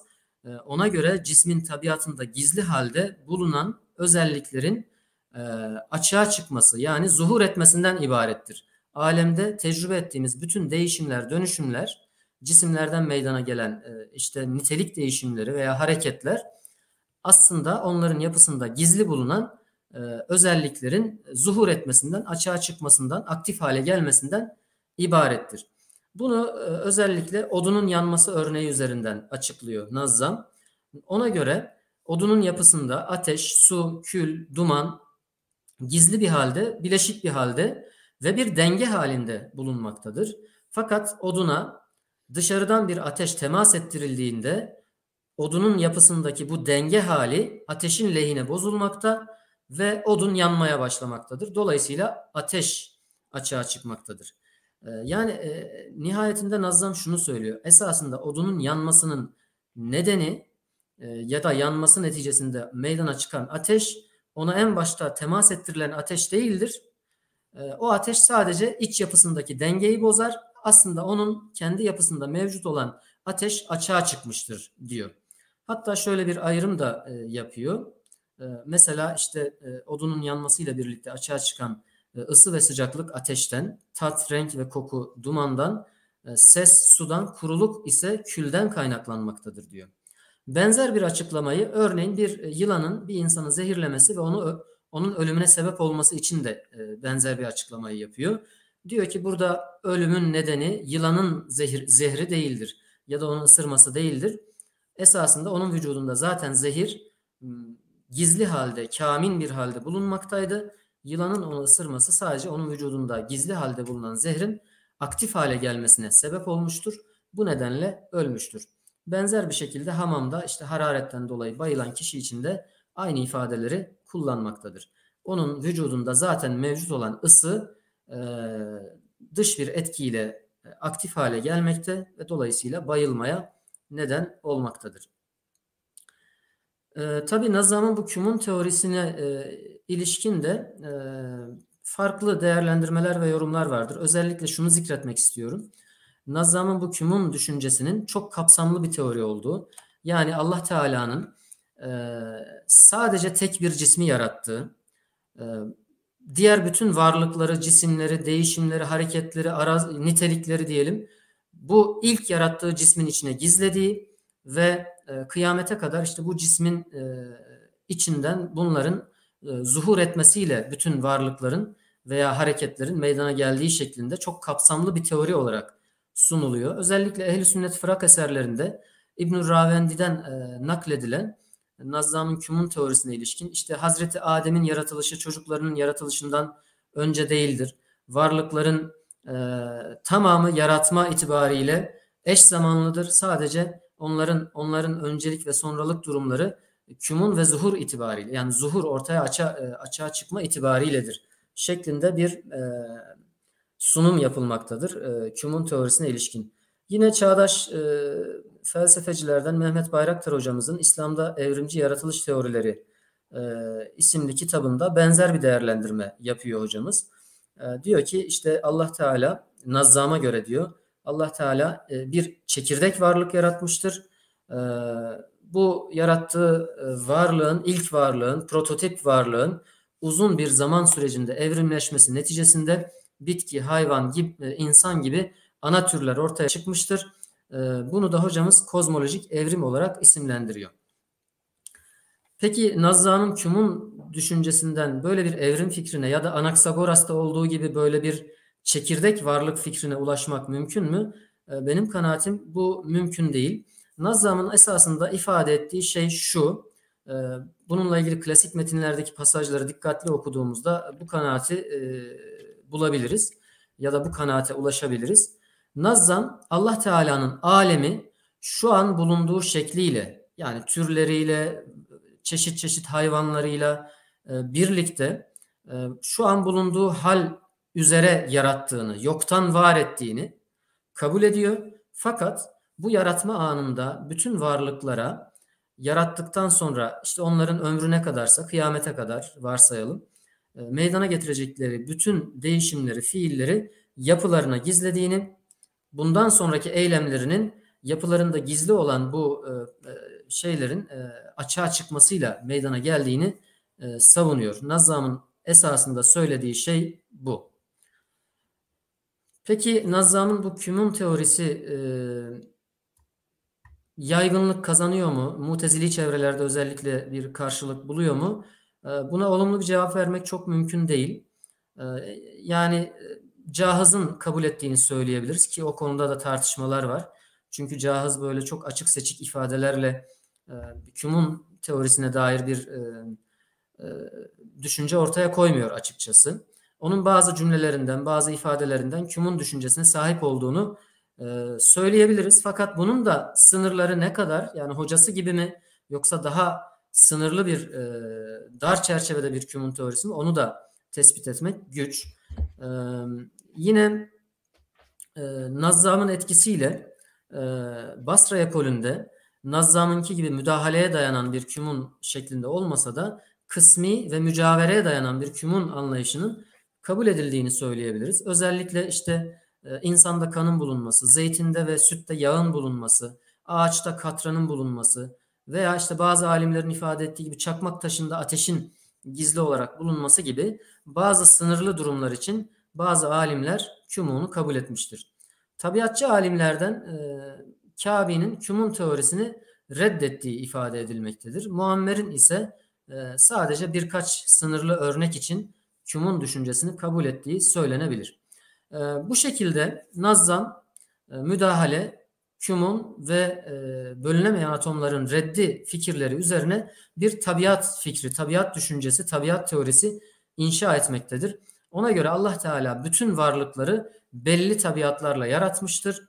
E, onların tabiatlarına ileride meydana getirecekleri bütün eylemleri, fiilleri gizlemiştir. E, ve bütün varlıklar bu tabiatlarının gereği olarak e, tabiatlarına özgü fiilleri meydana getirirler. Bu tabiatlarına boyun eğerler.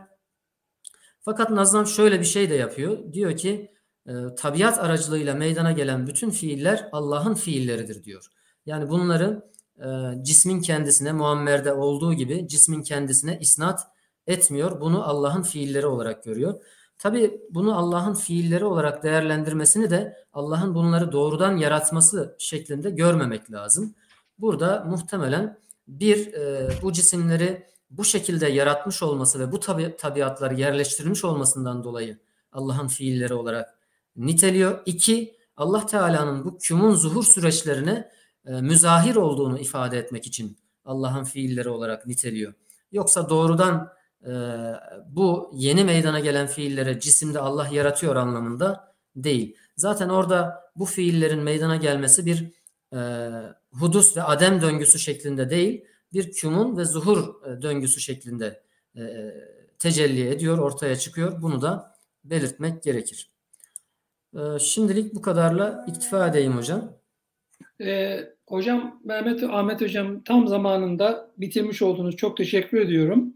Bu ikinci tebliğde de kümun ve zuhur teorisi özellikle nazlamcı gelenek bağlamında e, epeyce detayları dinlemiş olduk.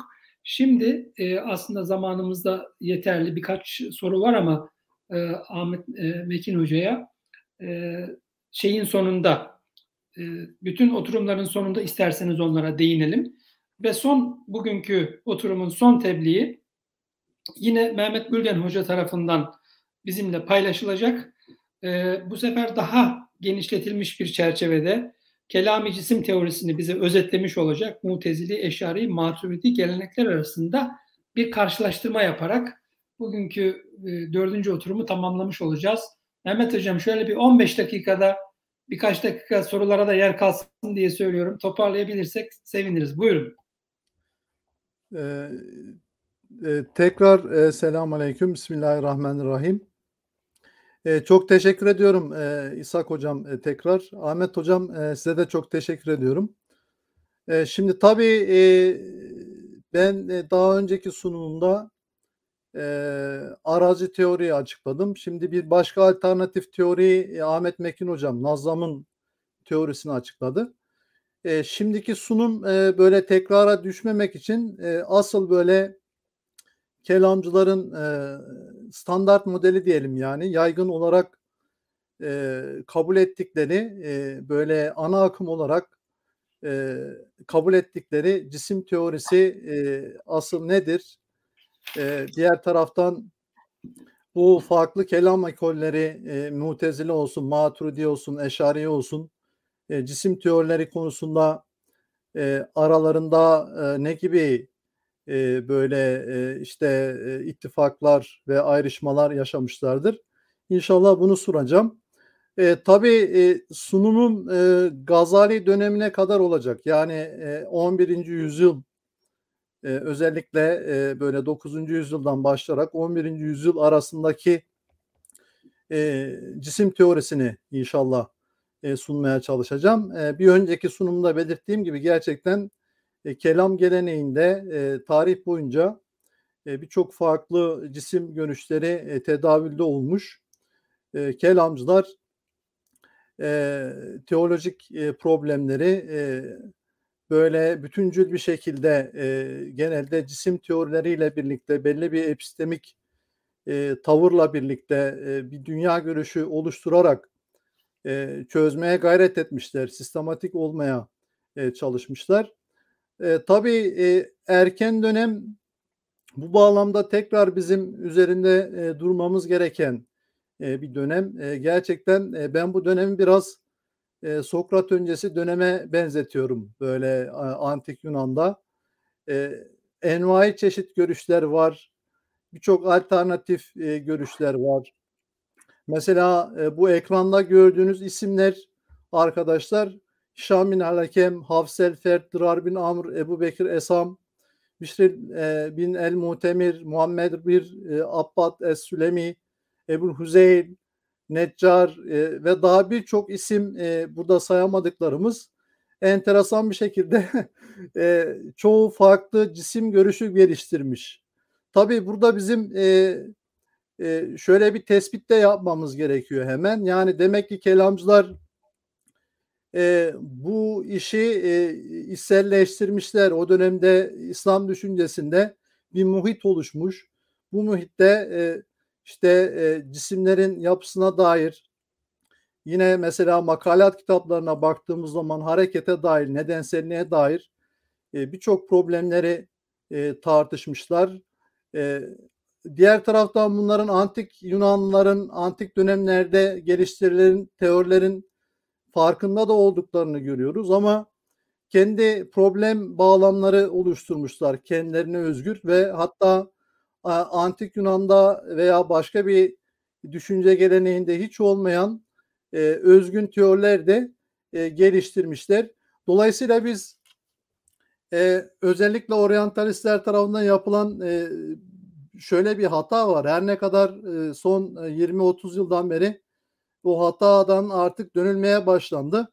Yani illa da e, kelamcı bir teori geliştirdiyse onun antikide de kökleri olmalı gibi bir tavırdan e, veya işte kelamcılar kendileri özgün bir görüş geliştirmemişlerdir. Mutlaka bunu işte ya İran'dan almışlardır ya Hint'ten ya Yunan'dan alıştırmışlardır diye e, bir tavır içerisinde olmamamız gerekiyor. Yani biraz e, kelamın o 9. yüzyılın kendi dahili dinamiklerine de tartışma bağlamlarına da e, bizim e, dikkat etmemiz gerekiyor. E, böyle yaptığımız zaman belki e, kelam e, ilk özellikle 3. veya işte miladi 9. yüzyılda geliştirilen e, cisim teorilerini biz daha böyle bütüncül bir yapıda e, sunabileceğimizi ben düşünüyorum. Şimdi e, erken dönem kelamında başlıca cisim tanımlarıyla biz e, başlayabiliriz. İşte İmam Eşa'nın Makalatül İslamiyini, yine Kabi'nin Kitabül Makalat, yani yine diğer şey Müfid'in Evalül Mekalat gibi kaynaklarına baktığımız zaman e, çok farklı cisim görüşlerinin geliştirildiğini görüyoruz. Yani bu dönemde kavramlar çok oturmamış. E, mesela e, diyelim ki klasik dönemde atoma kimse cisim demez ama erken dönemde e, Hüseyin'e Salihi'ye sorarsak mesela o arazları taşıyan olduğu için atoma da cisim diyor mesela. Ona göre cisim demek arazları bulunduran demek, taşıyan demek. Yine bir başka yaklaşım e, İsa es, e, Sufi tarafından ve yine İskafi tarafından geliştirilen e, cismin bileşik e, anlamına geldiğini vurgulayan yaklaşım. Bu özellikle Arap dilinden hareket ediyor bu yaklaşım. Yani Arapçada cisim, cisim Arapça bir kelimedir. Dilciler genelde e, bitişik olan şeylere veya bir şey ilave ettiğinde daha fazla, daha etsem olan şeylere cisim derler. E, madem cisim Arapça bir kelimedir, o halde cisim bileşik demektir diyenler de var. E, ama çoğunluk mesela mutezilenin çoğunluğunun benimsediği görüşe baktığımız zaman e, felsefecilerin de benimsediği bir cisim tanımına sahip olduğunu görüyoruz ki bu e, cisim tanımı e, özellikle Cüveyni gibi e, Abdülkahir el-Bağdadi gibi sonraki yine e, Ebul Münen Nesefi gibi kelamcılarla Mutezile'nin yumuşak karnı olarak görülmüştür. İşte siz felsefecilerin de benimsediği cisim tanımını e, benimsiyorsunuz diye e, suçlamalar yönlendirmiştir. Yalnız ben burada e, Mutezile'nin cisim tanımını ki onlar cismi uzunluk, genişlik ve derinlik olmak üzere üç boyutlu şey olarak tanımlıyorlar. E, e, böyle bu şekilde cismi. Çoğu mutezili kelamcı özellikle 9. yüzyılda bu şekilde tanımlıyor e, cismi. Yalnız mutezilenin bu vurgusu e, aslında tek bir cevherin boyutlu değilken yani cisimleri oluşturan atomların ya da cevheri fertlerin boyutlu değilken cismin boyutlu olduğuna vurgu yapmak. Yani asıl burada vurgulamak istedikleri bu. Yani özellikle cismi tanımlarken boyutlu oluşuna özen gösteriyor mutezile kelamcıları ki böylelikle ne yapabilsinler? E, tek bir cevher boyutu yoktur. Bunu söyleyebilsinler yani. E, tabii diğer taraftan e, işte İsa Sufi ve İskafi tarafından bilimselen cisim görüşü yani cismi birleşik olarak tanımlayan görüşün de atomculuk açısından bir değeri var. Çünkü siz böldünüz böldünüz artık e, kendisinde birleşme taşımayan veya herhangi bir telifi taşımayan, e, telif arazı, telif manasını taşımıyorsa e, onu artık kavramsal olarak da bölemezsiniz yani. Yani içerisinde bölünmeye ehil olmayan bir şeyi bölmeye çalışıyorsunuz. Öyle bir kavramdan yoksun yani o. E, diyelim ki eğer e, bölünmek cismin arızi niteliği ise ve bu arızi niteliğinden yoksun kaldığında diyelim ki cevheri ferde ulaştığında artık bölünmüyorsa o da içinde bir atomculuğu barındırıyor. Peki mutezilenin diğer görüşü içerisinde atomculuğu nasıl bayındırıyor? O da e, imkansız hale getiriyor e, bölmeyi çünkü boyutu yok. E, arkadaşlar istiyorsanız boyutu olmayan bir şey bölmeyi deneyin yani. Sağı yok, solu yok, önü yok, arkası yok, kenarı yok. Nasıl böleceksiniz? Bölmek saçma hale geliyor. Tabii E, böyle bir tanım e, benimsemelerinin sebebi e, Kabi'nin kitabül makalatına baktığımız zaman Nazlam'ın eleştirilerinden kurtulmak. Nazlam diyor ki e, Allah Teala nasıl bir cisme daha ilave bir şey daha ilave ederek onu daha büyük hale getiriyor. Bu Allah Teala için imkansız değildir. Onun kudreti e, bunu e, ne yapar? E, sağlayabilir. E, işte Allah Teala kadir mutlaktır. O halde cisim ne kadar küçük olursa olsun onu daha küçüğe de bölebilir yani. Allah Teala'nın kudretinden bunu ne yapamazsınız? Yoksun bırakamazsınız yani. E, dolayısıyla eğer Allah Teala'nın kudreti onu bölmeye e, kabilse o halde o bölünebilir anlamına gelir. Belki, belki sen bölemezsin ama işte kelamcılar bundan e, kaçınmak için e, mutezile kelamcıları matematikten e, istifade ediyorlar o dönemde. E, özellikle e, bir e, atom bir atomla bir araya gelir, çizgi oluşur. İki çizgi yan yana gelir, yüzey oluşur. İki yüzey üst üste gelir. İşte toplam 8 atomla en küçük cisim oluşur. Bunun matematikçilerin daha çok benimsemiş olduğu cisim formülasyonu olduğunu görüyoruz. İşte mutezile kelamcıları da bu şekilde matematikten özellikle nokta kavramından ödünç alarak e, cisim teorisini geliştirdiklerini görüyoruz biz.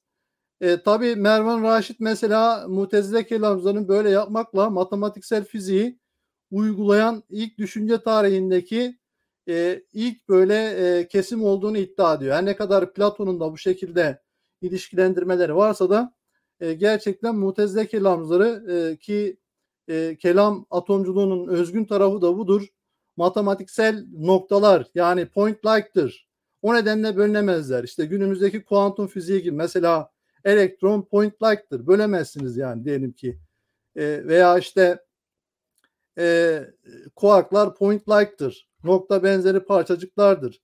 Tabi o dönemde kelamcılar ağır eleştirilere de neden olmuş bu yaklaşımlara. Çünkü e, mesela İbn Sina'nın eleştirilerinde görürüz biz daha sonra. E, nokta benzeri bir şey e, bir fiziksel niteliği bir arazı nasıl taşıyacak veya nokta benzeri iki şey bir araya gelecek bir hacim sahibi bir cismi e, bir şeye sahip büyüklüğe sahip nasıl oluşturacak? Aslında tabii günümüz kuantum fiziğinde de bu türden eleştiriler var. Elektron diyelim ki point like'sa yükü neresiyle taşıyor? Spini nasıl sağlıyor diyelim ki e, bu türden e, eleştiriler görüyoruz e, aslında bu türden bu matematikle izah etme yaklaşımıyla. Şimdi e, tabii bu şekilde çeşitli cisim teorisi arasında üç tane özellikle cisim teorisi arkadaşlar dikkat çekiyor erken dönemde. İşte birincisi cisim cevheri fertlerden oluşur. Yani cismin asılları cevheri fertlerdir. Burada bir hatalı tasvir yapılıyor. Bizim e, özellikle çok yaygın cisim cevher ve arazlardan oluşur diye. E, mesela halbuki alem cevherler cevher ve arazlardan oluşur. Kelam atomculuğunun standart modeline göre alem cevher ve arazlardan oluşur. Ama cisimler cisimlerin asılları cevherlerdir yani. Yine cisimlerde e, zati nitelikleri taşıyanlar cevheri fertlerdir. E, bu teori çok yaygın bir şekilde o dönemde savunuluyor.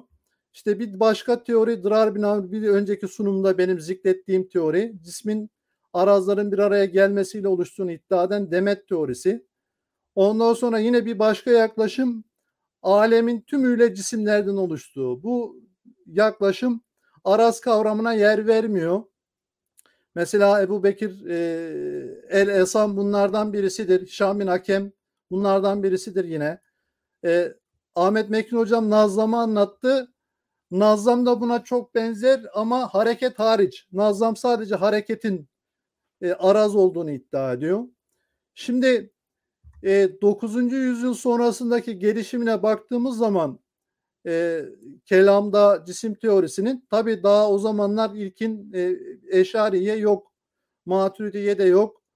E, böyle 9. yüzyılın ortalarında e, cisimlerin daha küçüğe bölünemeyen cevheri fertlerden oluştuğunu iddia eden yaklaşım e, kelamda ağırlık kazanmaya başlıyor.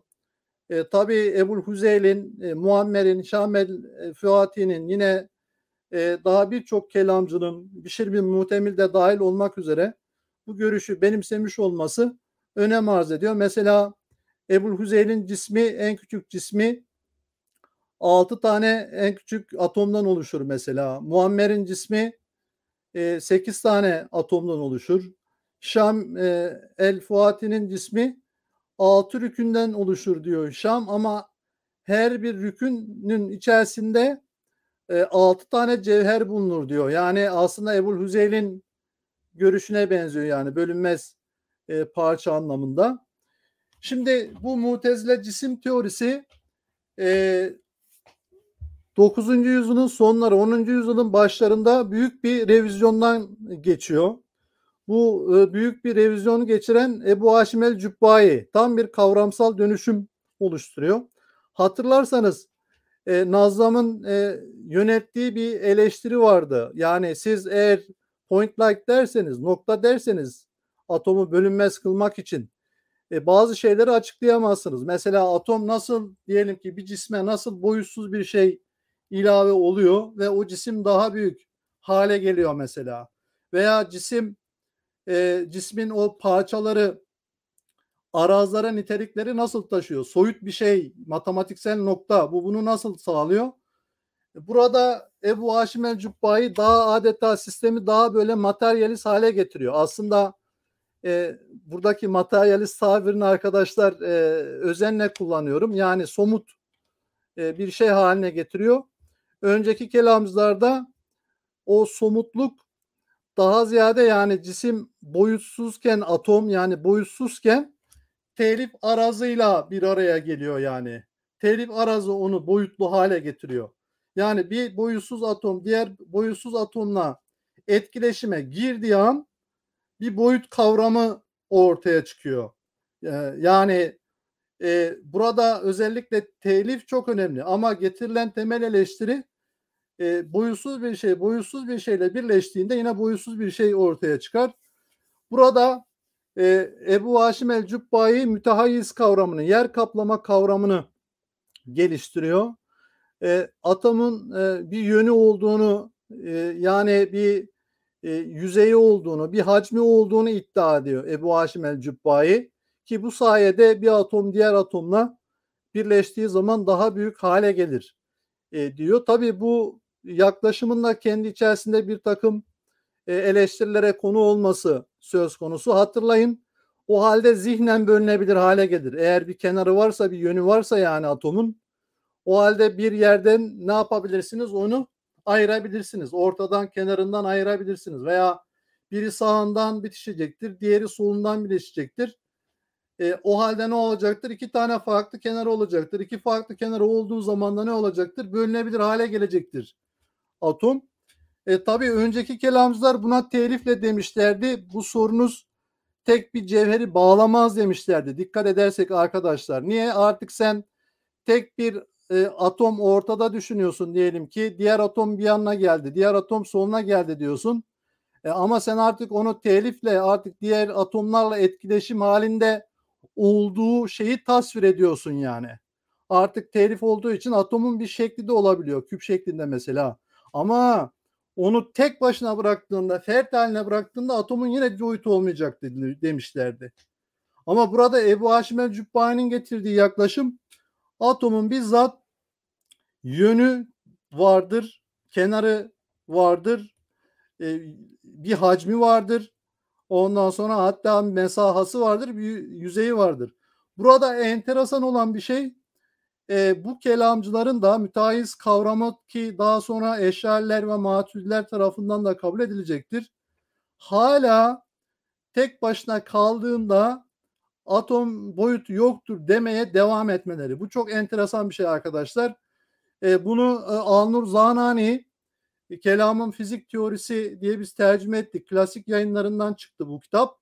Orada e, o e, o takip ederek tartışmalar özellikle İbn Metteveyh'in e, işte tezkiresi üzerinden e, bu tartışmaları takip ederek e, kelam atomculuğunun süreksizlik geometrisi e, çatısı altında geliştirilmeye başlandığını iddia ediyor yani. Kelam atomculuğunu anlamak istiyorsanız süreksizlik geometrisini esas alacaksınız. Farklı bir postula. Tabi o dönemde çok zor bunun izah edilmesi çünkü 19. yüzyıla gelinceye kadar e, hatırlarsak arkadaşlar Gauss'tan önce, Riemann'dan önce e, Öklit geometrisi yani doğrusal e, sürekli bir geometri evrensel kabul ediyordu. Alternatifsiz mutlak kabul ediliyordu yani. Bu nedenle gerek e, Fahrettin Razi gerek e, Gazali gibi e, müteahhirin kelamcıları e, tıpkı geçmişte Aristo'nun da iddia ettiği gibi e, atomculuğu kabul edersen geometriyi reddetmek zorunda kalırsın gibi ifadeler de e, kullanmışlardır. Şimdi e, yine sonraki gelişimine baktığımız zaman mesela Mutezile kelamda Kadı Abdülcebbar, e, İbn-i Meddeveyh gibi e, kelamcılar e, genelde e, Ebu Haşim el-Cübbani'nin teorilerini kabul ediyorlar. Ama burada enteresan bir şey Ebu Haşim'in kendisi dört tane atom yeterlidir demişti en küçük cisim için. E, Kadı Abdülcabbar ve talebeleri sekiz tane atomun gerekli olduğunu iddia ediyorlar. Yani bir nevi e, Muammer'in cisim teorisi arkadaşlar Ebu Hüzeyl'in de değil. E, ondan sonra e, Ebu Haşim el-Cübbani'nin de değil. Muammer'in cisim teorisi çok yaygın bir şekilde geliştirildiğini görüyoruz. İshak Hocam buraları e, kayda geçmesi için kısaca özetliyorum. En azından slaytta e, görünmesi evet, anlamında. Kısa olsun ki hocam. Süremiz bitti. Kısaca olsun ki sorularla da tamamlayalım inşallah. Buyurun. Tabii tabii hocam. E şimdi Eşarilerin cisim teorisi arkadaşlar genelde Ebu Haşim el Cübbani'nin çizgisini koruyor. E özellikle mütehayyiz kavramı çok belirleyici oluyor bu bağlamda. Hatta bu kavram İslam filozoflarının ruhani cevher anlayışıyla kelamcıların cevher anlayışında nasıl ayırt edilebileceği konusunda da çok eksen oluşturmuş. Yani mütehayyiz demek yer kaplayan demek. Yani uzay zaman koordinatlarına sahip olması gerekiyor e, bir şeyin arazları taşıyabilmesi için yani. Tabii bu e, ekvanla ilişkili olmasını da gerektiriyor. Hareket, sükun, birleşme, ayrışma gibi. Ve bu da hudusunu e, ima ediyor yani. Eşyalerin e, asıl farkı bence burada e, e, şeyi kabul etmemiş olmaları. Yani e, üç boyutlu uzunluk, genişlik, derinlik sahibi üç boyutlu cisim teorisini kabul etmiyorlar. Onlar da dilden yola çıkarak e, telif anlamını taşıyan şeye cisim dendiğini belirtiyorlar. Ama e, baktığımız zaman e, çok enteresan tartışmalar da dönüyor. Mesela e, İbn-i Meddeveyh de dilden hareket ediyor ama diyor ki düşünün diyor dilciler tamam bir şeyin bir şeye daha ilave etmesinden hareketle e, cismin oluştuğunu söylediler. Ama diciler sadece görünürde baktılar. E, dolayısıyla ta böyle atom altı altı seviyeye gidip bunu araştırmadılar. Dicilerin gördüğü seviyede hep her şey üç boyutludur. Dolayısıyla siz derseniz ki e, işte bir cisme bir şeyin ilave edilmesi e, daha büyük hale getirir. O halde telif cisim anlamındadır derseniz o ilavedeki nesne mutlaka üç boyutlu olmalıdır gibi tartışmalara da girdiklerini görüyoruz burada. E, eşari cisim teorisi Bakillani, Abdülkahir el Bağdadi, Cüveyni ekseninde e, Bakillani özellikle e, Eşari'den biraz ayrılıyor. Mesela Eşari'de mütehayiz kavramı çok yok. Biraz Ebu Ali el Cübbayi ekseninde bir kavram benimsiyor. Ebu Haşim'e çok taraftar değil Eşari'nin benimsediği ama Bakillani e, Ebu Haşim çizgisine biraz daha getiriyor ama hala cisim birleşme anlamında e, tanımlandığını biz e, görüyoruz. Yine işte e, Ebu Haşim'in dönüştürdüğü e, bir kavramı daha kabul ediyor. Çünkü buna bir ihtiyaç. Mesela e, kelamcılara göre cisimlerin zati nitelikleri yok. Cisimleri oluşturan cevherlerin ve arazların zati nitelikleri var.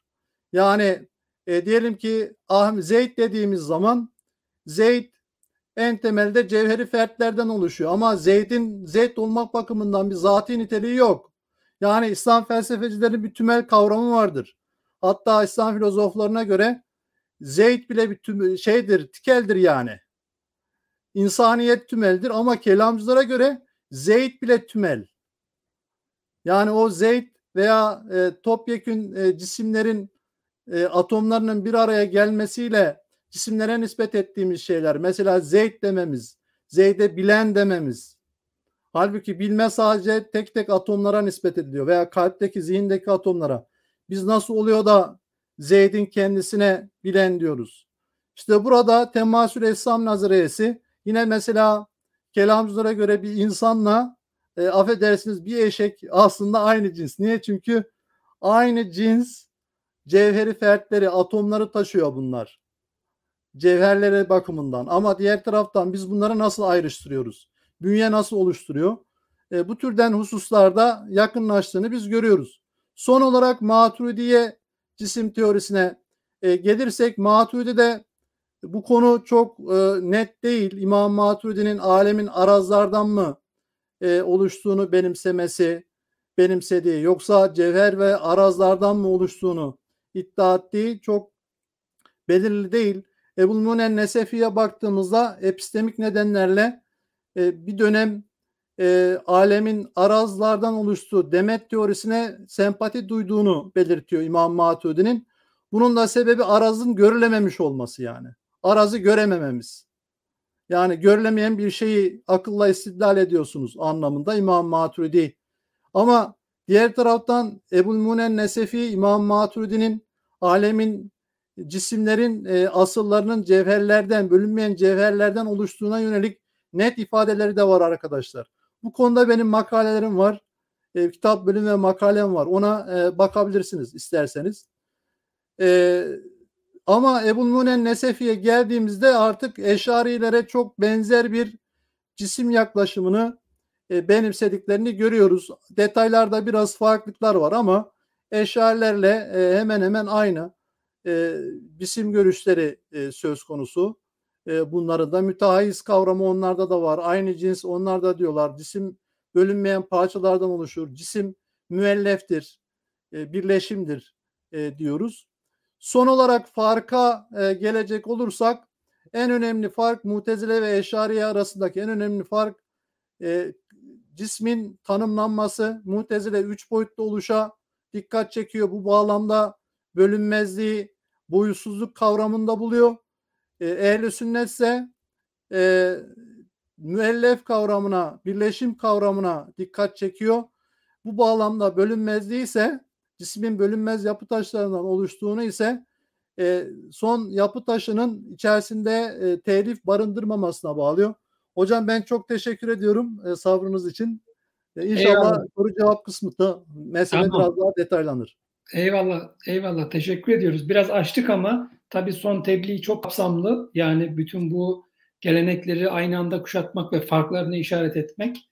Ee, arkadaşlar ben e, bu bizi izleyiciler için de söylüyorum. İki kelamcıdan cisim teorilerini dinlemiş olduk. Kelamcı hocalarımızdan.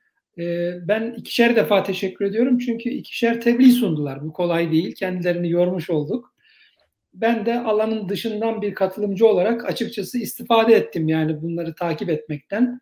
Ama bir sürü tartışma konusu var, bir sürü aklımıza gelen sorular var. Ee, süremiz bittiği için bunlara çok fazla yer veremiyorum. Keşke daha güncel bağlamlarıyla bunu tartışsak. Ben e, açıkçası daha çok bu kelamın kişisel olarak sosyopolitik taraflarını merak ediyorum ama o bizim projemizin dışında kalan bir şey. Biz projemizde cisim teorilerini analiz ediyoruz. Şimdi sorularımız var ama kısa zamanda böyle toparlayarak yine e, e, Ahmet Mekin hocamdan başlayarak iki soru var. Sonra da Mehmet Hoca kendi sorularını toparlayabilirse zaten siz gördünüz isterseniz istediğiniz kısmın kadarını da okuyun oradan ve kısaca cevaplarınızı alalım. Buyurun Ahmet Hocam. Sesinizi duyamıyorum şu anda. Buyurun. Yunus Acar e, şöyle bir soru sormuş. Muammer ve Kabe'nin düşüncelerinin günümüzdeki kelamcılarda yansımaları var mı? E, yani biz tartışıyoruz, e, gündemimize alıyoruz, makale ve kitaplar yazıyoruz. Bunlar tabii güncel teoriler, güncel cisim teorileri değil. İshak Hocam siz de belirttiniz, kelamcılar bugün pek piyasada yoklar maalesef. Güncel çağdaş teoriler üretme noktasında. Ama çabalıyoruz, inşallah yapacağız. Yani günceli e, Geliyoruz için hazırız diyorsun. günceli e, e, ortaya koyabilmek için önce mirası bir e, hazmetmek lazım. Biz şu an o aşamadayız. E, diğer soru Mehmet Aktaş'ın. E, Mehmet Hocam şunu sormuş. Muammer'in mana dediği özellikler somut mudur, soyut özellikler midir? Ayrıca bu özelliklerin taşıyıcısı cisim midir yoksa cis- cismin yapı taşı olan cevherler midir? Kısaca cevap vermek gerekirse ikinci sorudan başlayayım. E, Muammer'de bu özelliklerin taşıyıcısının cevher olduğu çok açık ve net. Yani manalar cevherlerde içkin olarak bulunuyor. İkinci soru e, Muammer'in kendi ifadelerinden hareketle cevaplaması biraz güç. Yani bir kanaate varmak güç. Ama dışarıdan bir değerlendirme yapmak gerekirse özellikle manaların sonsuzluğuna ilişkin ifadeleri bunların itibari varlıklar, soyut varlıklar olarak görüldüğünü ima ediyor diyebiliriz. Hmm, Nitekim teselsül problemi de zaten e, as- aslında bu manaların tek bir araza sebep olamaması gibi bir sonuç doğuruyor. En azından şunu söyleyebiliriz. Yani bu manaları ilk hareketi veren bir manaların dışında bir varlığın e, olduğu aşikar. Aksi halde e, manaların bir işlevinden söz etmek mümkün değil. Kısaca böyle cevap verebilirim hocam. Çok teşekkür ediyoruz Ahmet Hocam. Ağzınıza Ben sağlık. Teşekkür ederim hocam. Mehmet Hocam siz de soruları görüyorsunuz. Oradan istediğiniz kadarını seçerek bize kısa sürede özetlerseniz seviniriz. Tabii tabii hocam. Ee, şimdi gelen bir soru.